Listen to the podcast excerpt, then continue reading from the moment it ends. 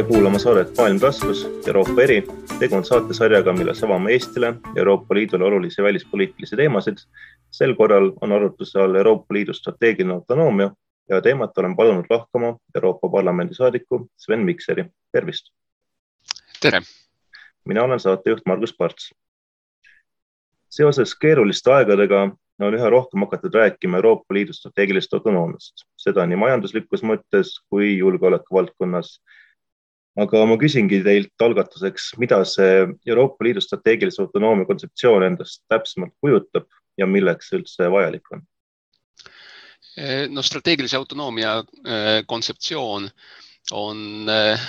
võrdlemisi hägune olnud palju aastaid Eh, ta tuleneb peamiselt arusaamast, et Euroopa Liit on püstitanud endale erinevates poliitikavaldkondades mitmeid eesmärke, eh, mida ta ei pruugi olla ilma eh, siis kolmandate riikide toeta võimalik saavutama või täitma. ja noh, strateegilise autonoomia kontseptsioon sai alguse tegelikult kaitse ja julgeoleku valdkonnast Euroopa Liidu mõist-, mõistmisest, et, et ka juhul, kui Euroopa Liit langetab poliitilise otsuse eh, algatada mõni eh, missioon või operatsioon kusagil väljaspool eh, liidu piire, siis tihtipeale poliitilise otsuse realiseerimine võib sõltuda sellest, kas meie lähemad liitlased, näiteks Ameerika Ühendriigid, on valmis meid mingite kriitiliste võimekustega, noh näiteks strateegilise õhutranspordi või, või täppisrelvade või, või mingite sidevahenditega toetama. Ja see äh, sõltuvus noh, kahtlemata või vähendab Euroopa Liidu võimet maailma julgeolekupoliitika suurtes asjades kaasa rääkida, äh, sest äh, võib juhtuda, et noh, näiteks Ameerika Ühendriikide poliitilised eelistused ei kattu igal ajahetkel päris täiel määral Euroopa Liidu omadega, aga võib ka juhtuda, et ameeriklased on oma vastavate võimetega lihtsalt kusagil mujal maailma nurgas äh, hõivatud, sest äh, tegu on ju ka suure riigiga, kellel on mitmeid äh, liitlaskohustusi ja, ja, ja omaenda strateegilisi huve Euroopa Liidu geograafilisest naabruskonnast tunduvalt eemal Te olete praegu siin maininud äh, eelkõige sellist sõjalist julgeolekut. kas see strateegilise autonoomia kontseptsioon laieneb ka muudele valdkondadele? Teda on äh, aegamööda püütud äh, laiendada ka muudele valdkondadele, et Euroopa Liidu äh, huvi kindlasti on olla üks maailma juhtivatest mängijatest, olla üks sellistest suurtest normatiivsetest jõududest, kes loob ja kujundab siis neid reegleid, mille alusel erinevates poliitikavaldkondades tehakse maailmas rahvusvahelist koostööd ja Euroopa Liit eh, noh, kindlasti omab eh, ju strateegilisi huve, olgu kaubanduses, olgu tööstuspoliitikas väga-väga-väga eh, paljudes valdkondades kõikjal maailmas, nii et, et on püütud seda kontseptsiooni laiendada ja, ja täita sisuga, aga noh, kahtlemata ütleme, see fookus on jätkuvalt julgeolekupoliitikal, kus Euroopa Liit on on tajunud, et, et me tegelikult noh, oleme päris palju oma ressursse kulutanud selleks, et äh, suuta siis hõlvata positiivselt ja tuua oma väärtusruumile lähemale äh, riike läbi noh, humanitaarabi, läbi arengukoostöö, äh, läbi kaubandussuhete aga seal, kus siis asjad kisuvad kuumaks, kus puhkevad sellised regionaalsed piirkondlikud julgeolekukonfliktid. Seal Euroopa Liidu võime tegelikult kaasa rääkida selles konflikti reguleerimises on olnud väike ja, ja, ja noh, eks üks küsimus, millele võib-olla ei ole suudetud ja mõnikord ka tahetud päris ausalt vastata, on, et kas see nüüd tuleneb sellest, et Euroopa Liidul tõepoolest puuduvad mingisugused kriitilised sõjalised võimed või on tegu tegelikult Euroopa Liidu äh, Eh, kuidas öelda siis sellise eh, sisse juurdunud eh, vastumeelsusega üldse mingisuguses sõjalises konflikti reguleerimises osaleda. et tihtipeale Euroopa Liit, Euroopa Liidu sellistes võimukoridorides räägitakse, et, et jah, küll on kahetsusväärne, et Euroopal ei ole näiteks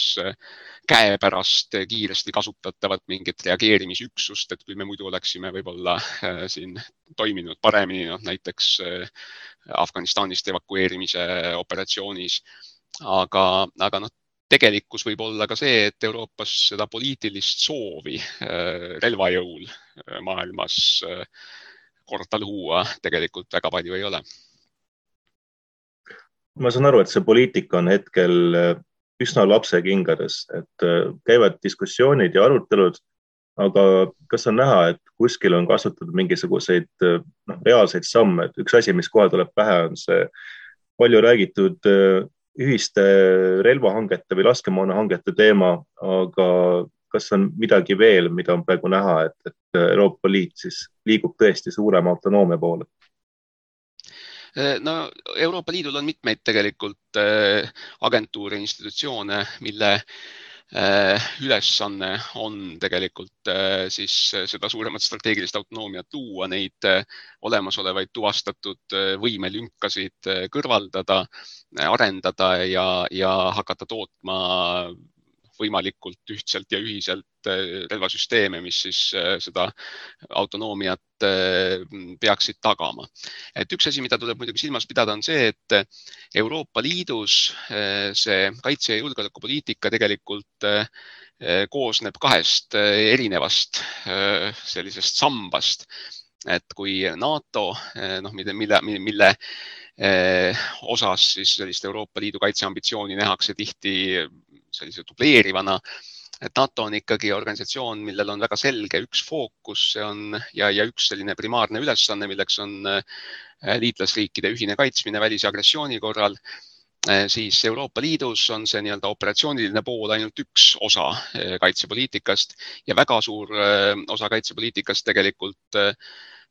mahub ka nimetaja alla näiteks Euroopa Liidu tööstuspoliitika või Euroopa Liidu siseturupoliitika või Euroopa Liidu eh, kaubanduspoliitika. et isegi kui me näiteks vaatame eh, komisjoni portfellide ja tööjaotust, siis Euroopa Liidu missioonide eest vastutab kõrge esindaja Borrell, aga Euroopa Liidu kaitsetööstuse eest hoopiski siis komisjonär Breton. nii et, nii et Euroopa Liidu kaitsepoliitika jah, tegelikult äh, koosneb siis äh, mitte üksnes sellest äh, küsimusest, et kuidas, kuidas Euroopa Liit ühiselt saada toimima nendel välismissioonidel ja operatsioonidel, vaid ka kuidas siis nii-öelda arvestada Euroopa Liidu liikmesriikide kaubandushuve, siis näiteks isegi tööpoliitika mm, huve, et kaitsetööstus on ju traditsiooniliselt olnud võrdlemisi selline rahvuslik, võrdlemisi äh, siseriiklik äh, küsimus ja isegi Euroopa Liidu äh, ühisturu äh, tingimustes on tegelikult nii-öelda kaitse ja julgeolekuga seotud teemadele kehtestatud mitmeid erisusi. nii et eks, eks see on teinud raskeks selle, selle kaitsepoliitika just selliste näiteks hanke äh, aspektide koordineerimise. Äh, Ukraina sõda või Venemaa agressioon Ukraina vastu on tegelikult andnud jah, siin äh, teatud uue impulsi, sest kui selle sõja varases faasis Ukraina toetamine peamiselt tähendas seda, et Euroopa Liidu riigid andsid oma ladudest tihtipeale sellist üleliigset või, või jõude seisvat relvastust ja moona Eh, siis ühel hetkel need eh, ressursid ammendusid ja eh, noh, Euroopa riigid said aru, et paralleelselt tuleb teha kahte asja, nii siis täita omaenda tühjaks saanud ladusid omaenda võimalikeks vajadusteks ja teiseks jätkata Ukraina abistamist, sest selline pikk kurnamissõda nõuab pidevalt ressurssi, nii et ei saa öelda, et me oleme ühe korra nii-öelda oma osa ära teinud ja nüüd saagu ise hakkama. et tegelikult need need relvad, see laskemoon, mida annetatakse paraku lahinguväljal väga kiiresti ka kulub. nii et sellises olukorras noh, kahtlemata ei ole mõistlik, et, et riigid hakkaksid üksteist üle pakkuma, et et tekiks selline ebaterve eh, konkurents väga piiratud ressursi pärast, eriti olukorras, kus ka Euroopa Liidu kaitsetööstuse võime väga kiiresti toota on, on eh, saanud räsitud selle väga pika eh, rahuperioodi jooksul. Nii et, et see on tinginud jah, võib-olla suurema fookuse sellele, et, et ühiselt hankida, et koordineerida relvahankeid, aga noh, lihtne ülesanne see ei ole, sest ka näiteks relvahangete puhul, võimeloome puhul see planeerimistsükkel on väga pikk ja erinevates riikides neid hankeid nii-öelda sünkroniseerida, et hakata ostma midagi lihtsalt sellepärast, et sinu naaber samal ajal ostab sedasama asja, kui sinu enda pikaajalised eelarveplaanid on teistsugused, see ei ole väga lihtne. Teil on kindlasti hea ülevaade sellest, mis toimub Euroopa Liidu koridorides, et noh, praegu on näha, et strateegilise autonoomia kontseptsiooni või seda ideed propageerib väga tugevalt näiteks Prantsuse president Emmanuel Macron, aga tihti jääb nagu mulje, et ega teised riigid nagu nii väga sellest huvitatud ei ole, et, et kas Euroopa Liidu sees on näha üldse mingisugust üksmeelt selles, mis see strateegiline autonoomia peaks olema ja kas seda on üldse vaja sellel määral? Ma arvan, et eh, noh, teatud abstraktsiooni tasemel kindlasti ollakse ühte meelt, et eh, Euroopa Liidul on vaja eh, rohkem sõjalisi võimeid on vaja paremat koordinatsiooni. et ütleme, need, need hirmud, mis võib-olla eksisteerisid paarkümmend aastat tagasi, et Euroopa Liidu äh, suurem sõjaline võimekus ja suurem sõjaline koostöö kuidagi väga ebavajalikul moel dubleerib NATO-t ja, ja nõrgendab võib-olla NATO liitlaskoostööd. et need hirmud on tänaseks äh, sellisel kujul kadunud. et kahtlemata teatud pealinnades on soov äh, vähendada võib-olla ameeriklaste jalajälge ja, ja nähakse ennast võib-olla Ameerika Ühendriikide rivaalidena, aga noh, samal ajal ma arvan, et eh, valdav osa Euroopa ja julgeoleku eh, siis mõtlejatest siiski usuvad, et Ameerika Ühendriikide kohal, sõjaline kohalolek Euroopas on hea asi. see peab olema pikaajaline ja, ja nähtav ja tugev. aga liigne Eh, kuidas öelda siis, eh, sõltuvus Ameerikast tegelikult ju tähendab seda, et Ameerika Ühendriigid peavad kandma ebaproportsionaalselt eh, suurt osa sellest ühisest julgeolekukoormast, mida ka Ameerika Ühendriigid väga heal meelel ei tee. et Ameerika Ühendriigid, ma usun, võtavad tõsiselt oma liitlaskohustusi Euroopa ees, aga nad ei arva, et see peaks tähendama seda, et Euroopa laseb Ameerika siis maksumaksja peal liugu. et Euroopa Liit peab panustama rohkem kaitsesse, ta on hakanud panustama rohkem kaitsesse. Eh, kahtlemata ei ole mõistlik ka selline eh, väga suur killustatus, et kui siin külma sõja ajal eh, erinevates Euroopa riikides, suurte, suurtes riikides toodeti siin ütleme relvasüsteeme, näiteks lahingutanke, viis-kuus erinevat mudelit erinevates Euroopa riikides, et selline killustatus ja, ja omavaheline konkurents ei ole kindlasti mõistlik et ja, ja kui nüüd konkreetseid näiteid ette tuua, siis, siis Euroopa kaitsetööstuse konsolideerimine ja konsolideerumine on tegelikult protsess, mis on aset leidnud ju päris pika aja vältel. Et äh, tänasel päeval ju päris palju olulisi äh, siis äh, süsteeme toodetakse Euroopa riikide väga tihedas koostöös. nii et selline kaitsetööstuse konsolideerimine on, on kindlasti üks näide sellest, kuidas on liigutud sellise suurema Euroopa ühise lähenemise suunas suunas et ka noh, mõned, mõned projektid, mõned ettevõtmised kindlasti ei ole andnud loodat, loodetud äh, tulemust, näiteks Euroopa lahingugruppide projekt, mis, mis oodatud või loodetud või ette pandud kujul ju kunagi tõeks ei saanud. Et näeme, kuidas siis praegu strateegilises kompassis kavandatud Euroopa ühine kiirreageerimisjõud kujuneb, et kas sellest saab midagi kasutatavamat kui, kui, kui näiteks lahingugrupid aga nii et eh, neid näiteid on nii positiivseid kui negatiivseid, aga jõupingutused selleks, et, et hankida ühiselt, et arendada ühiselt, et olla võimalikult nii-öelda interoperabiilsed või koostöövõimelised ka, ka sõjatandril. et need jõupingutused käivad igapäevaselt eh, ja, ja liiguvad õiges suunas. noh, iseasi, et kas, kas see tempo on alati see, eh, mida neid projekte kavandades on planeeritud, et siin kindlasti nagu ikka elus, tihtipeale jäädakse ka oma plaanidest pisut maha. nii et äh, Washington pigem toetab Euroopa Liidu suuremat autonoomiat, et ei ole mingisugust äh, muret seal üle Atlandi ookeani, et, et äh, Ameerika Ühendriikide positsioon kuidagi nõrgeneb või noh, te mainisite, et, et jah, et loomulikult Ameerika maksumaksja ei taha maksta kinni Euroopa julgeolekut. samas jällegi teistpidi see julgeoleku tagamine on justkui andnud väga suure mõju Ameerika Ühendriikides äh, Euroopa kohalolus no Ameerika Ühendriigid on jätkuvalt maailma suurim sõjaline jõud ja võim, aga ka nende jõud ei ole mm, piiritu, ka nende jõud ei ole piiramatu. ja noh, kindlasti on Euroopa Liit ja Ameerika Ühendriigid ka teatud valdkondades konkurendid, et seesama kaitsetööstus, nagu öeldud, Euroopa Liidu sees Äh, on ta ajalooliselt olnud võrdlemisi äh, killustunud, aga ka näiteks üle Atlandi ookeani on ju noh, mõlemad, mõlemad, mõlemad kaldad äh, teatud määral protektsionistlikud, kaitsevad omaenda siis intellektuaalset omandit ja tehnilisi, tehnilisi lahendusi, kaitsevad omaenda töötajaid ja töökohti ja noh, soovivad kindlasti juurdepääsu nii-öelda teise poole eh, turgudele, mm, on, on pahased, kui, kui eh, teisel pool ookeani rakendatakse mingisuguseid turgu kaitsvaid meetmeid. samal ajal ei ole sama varmad avama oma turgu siis teisele osapoolele. et seda me näeme, et kindlasti vaadatakse teatud kiivusega Ameerika Ühendriikides selle peale, kui, kui Euroopa näiteks oma nende võimearenduste puhul annab eelise Euroopa tootjatele ja, ja piirab juurdepääsu siis Ameerika relvatööstuse gigantidele, nii et ja, ja, ja, ja ka vastupidi, et nii nagu, nii nagu teistes kriitilistes tehnoloogia valdkondades, me näeme seda näiteks ju siin elektriautode arendamisel, et nii ka, nii ka kaitsetööstuses loomulikult selline, selline konkurents on jätkuvalt olemas ja ilmselt, ilmselt jääb ka nähtavas tulevikus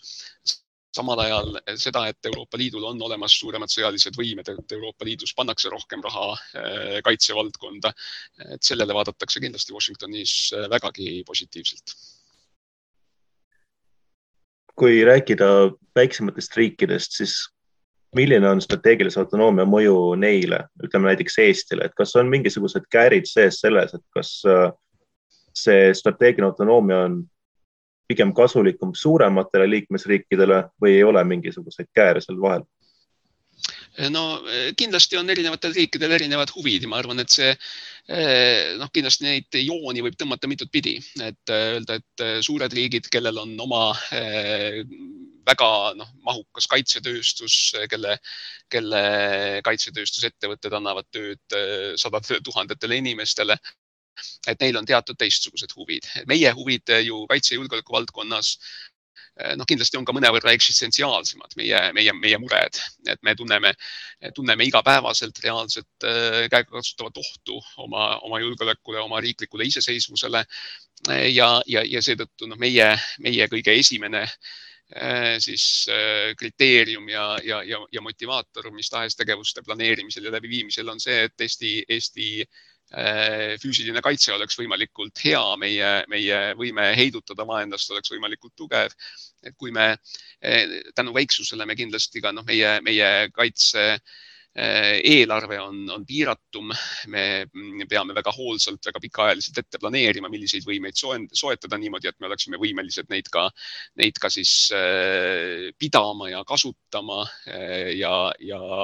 varustama vastavalt välja õppinud äh, spetsialistidega ja, ja nii edasi ja nii edasi. et see tähendab tegelikult, et, äh, et noh, meie võib-olla, kui me, kui me räägime siin äh, sellisest turu avatusest ja, ja protektsionismist, et meie, meie huvi on saada võimalikult hea hinnaga võimalikult tõhusaid süsteeme ja võib-olla mure sellepärast, et kas nad tulevad nüüd Saksamaalt, Prantsusmaalt, Ameerika Ühendriikidest või, või kusagilt Kagu-Aasiast, et see on, see on mõnevõrra teisene et äh, Prantsuse, Saksamaa, Itaalia, Hispaania, võib-olla suure relva, relvatööstusega riigid, äh, nemad äh, on samavõrd huvitatud ka sellest, et, et nende oma kaitsetööstuses töötavad inimesed saaksid tööd, et need ressursid ei liiguks kuhugi riigist väljapoole. et need, need, need kaalutlused võib-olla meid tänu oma väiksusele ja meie, meie suhteliselt mahult väikesele kaitsetööstusele, noh, kuigi meil on siin silmapaistvaid ettevõtteid selles, selleski valdkonnas, et on, on meie huvid pisut, pisut teistsugused nii et, et jah, kahtlemata on suurte ja väikeste vahel erinevusi, aga tegelikult on ka suurte riikide vahel erinevusi, et kui me siin arutades näiteks Euroopa ühishangete direktiivi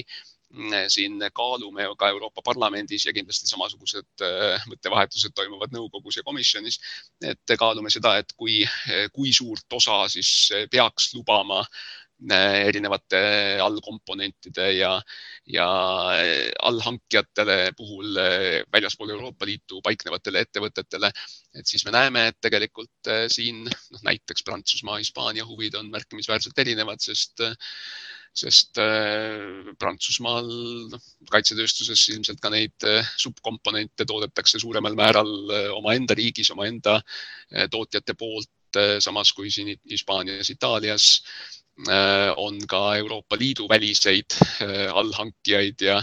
ja koostööpartnereid, olgu siis Ühendkuningriigist või Ameerika Ühendriikidest äh, suuremal määral kui näiteks Prantsusmaal, nii et, et, et kindlasti jällegi see, see kurat on, on kusagil detailides ja, ja iga riik teatud määral siiski ka retoorikas ajades sellist ühist Euroopa asja lähtub ikkagi omaenda rahvuslikest huvidest